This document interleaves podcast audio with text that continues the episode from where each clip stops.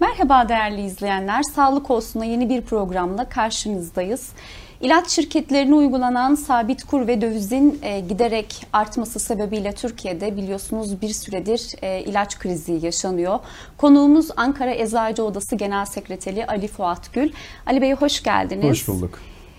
Ee, ilk olarak meslek örgütünüz Türkiye Eczacılar Birliği 654 e, kalem ilacın piyasada bulunmadığı yönünde bir e, bilgiyi paylaştı kamuoyuyla ve böylece haberdar olduk. Şimdi bu sorun ne zaman başladı ve şu an vaziyetimiz nedir? E, bu sorun e, Ekim ayı itibariyle başladı. Şu anda da e, kriz giderek artıyor. E, Aralık ayında ve Ocak ayında 2022 yılının Ocak ayında da e, çok daha şiddetli gideceği şeklinde bir öngörümüz oluşmaya başladı. E, ne yazık ki ilaç firmalarında tedarik yönünden çok büyük sıkıntı yaşıyoruz şu anda. E, her sene Şubat ayının 3. haftasında Sağlık Bakanlığı yetkilileriyle ilaç firmaları arasında bu ilaç fiyat kuru üzerinde bir anlaşma sağlanıyor. Geçen sene sağlanan anlaşma kur oranı 4.57. Şu anda kur ne yazık ki 12 TL civarında seyrediyor. E, bu sebepten dolayı da ilaç firmaları bu artan kurdan dolayı yıl sonlarında ne yazık ki ilaç sevkiyatını azaltıyor. Bir kere bunun önüne geçmemiz gerekiyor. Bunun önüne nasıl geçebiliriz? Bunun önüne bu yılda bir kere değil de e, belirli zaman aralıklarında eşit parçalara bölerek e, bu e, kur oranındaki artışlar ilaçlara yansıtırsak bu sorunun önüne uzun vadede geçebiliriz. Ama şu anda kısa vadede e, ellerindeki ilaçları kontrol edilerek hangi illerde Ankara, İstanbul, İzmir özellikle büyük şehirlerde hı hı. E, buralardaki e, normalde giden e, ne kadar gidiyorsa ilaçlar bakılarak artışlar yapılarak ellerindeki tedarik bir an evvel eczanelerin üzerine gönderilmek üzere depolara sevk edilmeye başlanması gerekmektedir. Hı hı. E, Şubat'a kadar çözülür mü? Biliyorsunuz işte zaten bahsettiğimiz e, kur e, ilaç kurları e, Şubat aylarında belirleniyor. Evet. E, Şubat'a kadar çözer miyiz yoksa daha derinlemesine devam eder mi? Bu kriz olacak gibi görünüyor çünkü. Yani her sene bu kriz e, Ocak ayında başlıyordu. Ocak ayının ilk başlarında başlıyordu. E, bir şekilde biz hani e, kendi aramızda ilaçları değiştirerek hastaları olan eczanelere, ilaç olan eczanelere yönlendirerek e, bu sorunları çözmeye çalışıyorduk. Bunda biliyorsunuz en önemli nokta aslında halk sağlığı.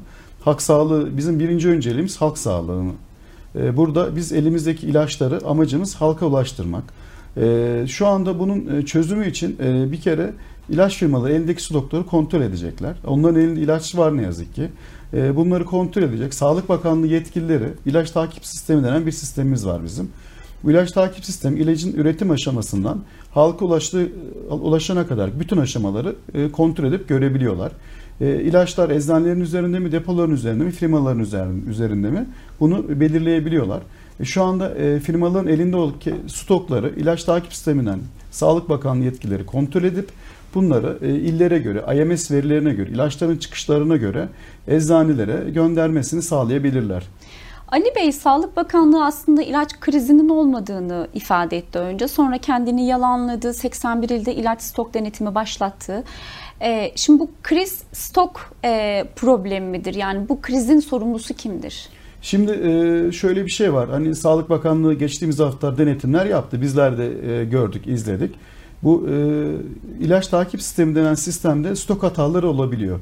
E, şimdi e, hastaya ilaç vermemiz gerekiyor. Nöbette oluyorsunuz. Biz bir an evvel ilacı e, hastaya ulaştırmak için elimizden geleni yapıyoruz. O anda sistem çalışmayabiliyor. Sistemde ilacı e, sonlanmamış gözüküyor. Bu da stok hatası aslında gerçekte bu. Bir de her ilde, her e, mecrada olan ilaç miktarı farklı. Benim eczanem e, Ankara, Çankaya bölgesinde. E, ben örnek veriyorum e, olmayan bir burun spreyini bana günde 4 kişi soruyorsa ne bileyim daha yoğun yerlerde 10 kişi soruyordur. Tam tersi daha küçük bir şehrimizde hatta kasabamızda orada belki o, o burun damlasını hiç kimse sormuyor. E, Sağlık Bakanlığı sistemden baktığı zaman Taşra'da bu ilaç var gözüküyor. Aa, diyor ki demek ki bu ilaç var diyor.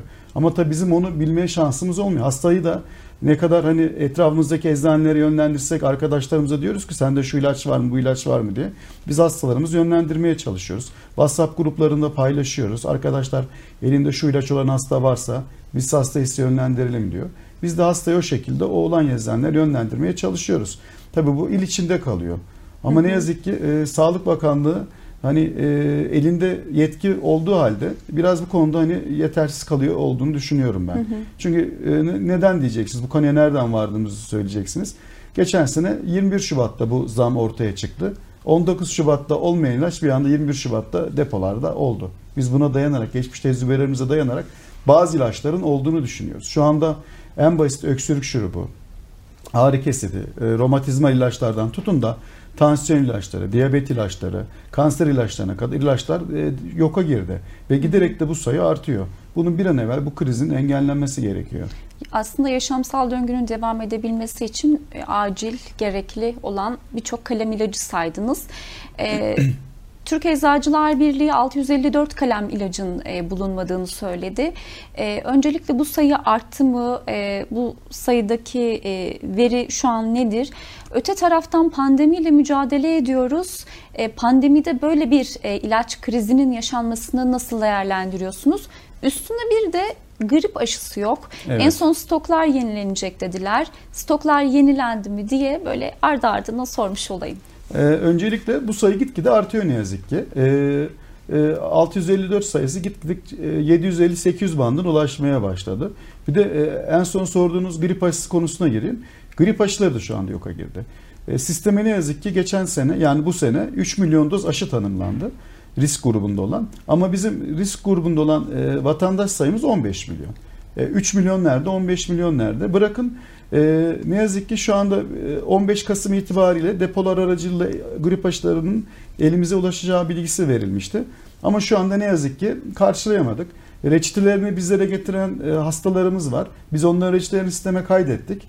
E, sisteme kayıt yapıyoruz aşı için. Sistem dediğim gibi ilaç takip sisteminden görüyorlar kaç tane giriş yapıldığını. Ona göre aşı geliyordu normalde bize. Şu anda elimizde reçeteler girilik vaziyette duruyor. Ama ne yazık ki aşı gelmedi. Onlara da şu anda yok diyoruz. E, ne yazık ki bu rakam gitgide artıyor. Bir kere e, ben şunu söylemek istiyorum pandeminin de etkisiyle.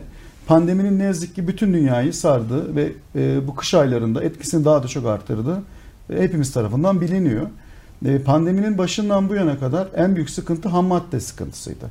Ham madde sıkıntısı artmaya başladı. Kalifeli çalışan adam sıkıntısı artmaya başladı. Fabrikalar e, pandemi ve sokağa çıkma yasakları ve karantinalar yüzünden e, fabrikalar kapanmak zorunda kaldı.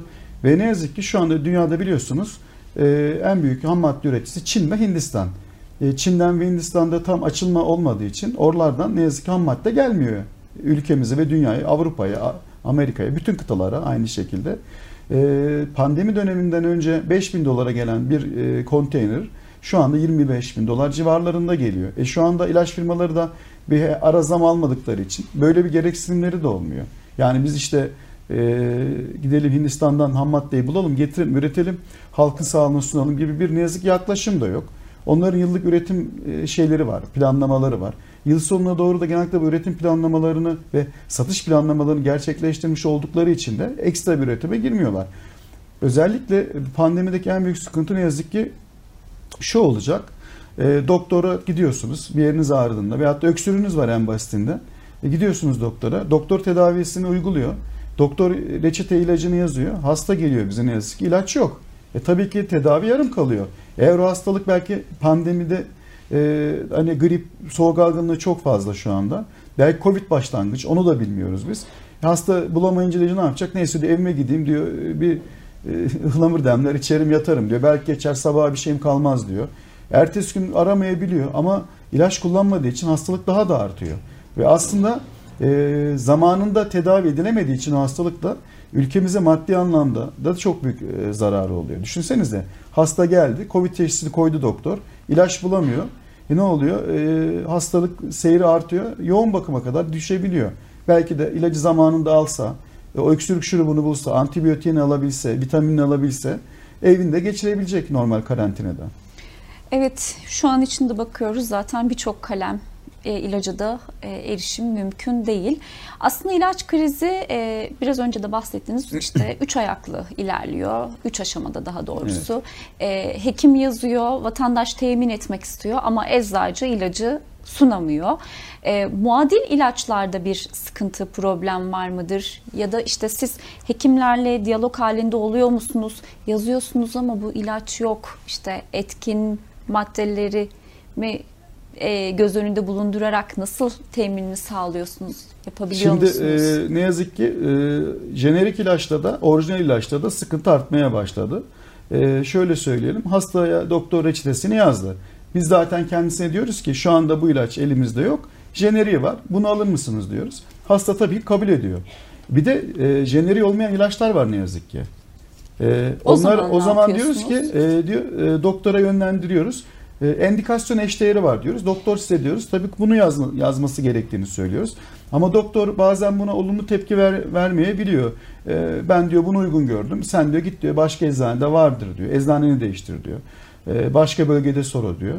Yani e, her hekim bu duyarlılıkta yaklaşmayabiliyor. Çünkü kendisine göre daha önce tedavi ettiği hastalarda o ilaçla belki tedaviye gitti. Ama başka bir endikasyon eşdeğerini kullandığı zaman tedavi alamayacağını düşünüyor. O yüzden hastanın ciddi bir mağduriyeti oluyor. Yoksa hani e, e, endikasyon eşdeğeri veyahut da e, jenerik, e, orijinal ilaç bunlar aslında bilimsellik yönünden kanıtlanmış. Hastada aynı etki, aynı tedaviyi uyguladığınız zaman etkin sonuç veren ilaçlar. Yani ilaçta kaliteli, kalitesiz, az kaliteli diye bir şey yok. Yani bizim e, Sağlık Bakanlığımız, Ruhsatlandırma Komisyonu kesinlikle bu konuda çok titiz çalışıyor. Yani bir ilacın başvuru süresinden sonra ruhsat alma süresi neredeyse bir yıla yakın bir süre. E, ilaç Türkiye'de üretiliyorsa veyahut da yurt dışında üretiliyorsa dahi e, üretim tesisine gidip kontrol ediliyor, bakılıyor GMP kurallarına uygun mu tesis.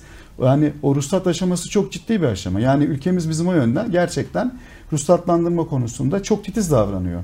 E, yani biz e, hastalarımıza, vatandaşlarımıza yani ilacın e, kaliteli kalitesiz olmadığını, ilacın zaten tek kalitede olduğu ile ilgili olarak kamu spotları olsun, gerekli açıklamalar olsun biz zaten bu bilgilendirmeleri yapıyoruz. Şunu anlıyoruz bu programdan e, uzun bir süre hastalanmamaya özen göstermek gerekecek. Yoksa ilaca erişim e, hakikaten zor gibi görünüyor.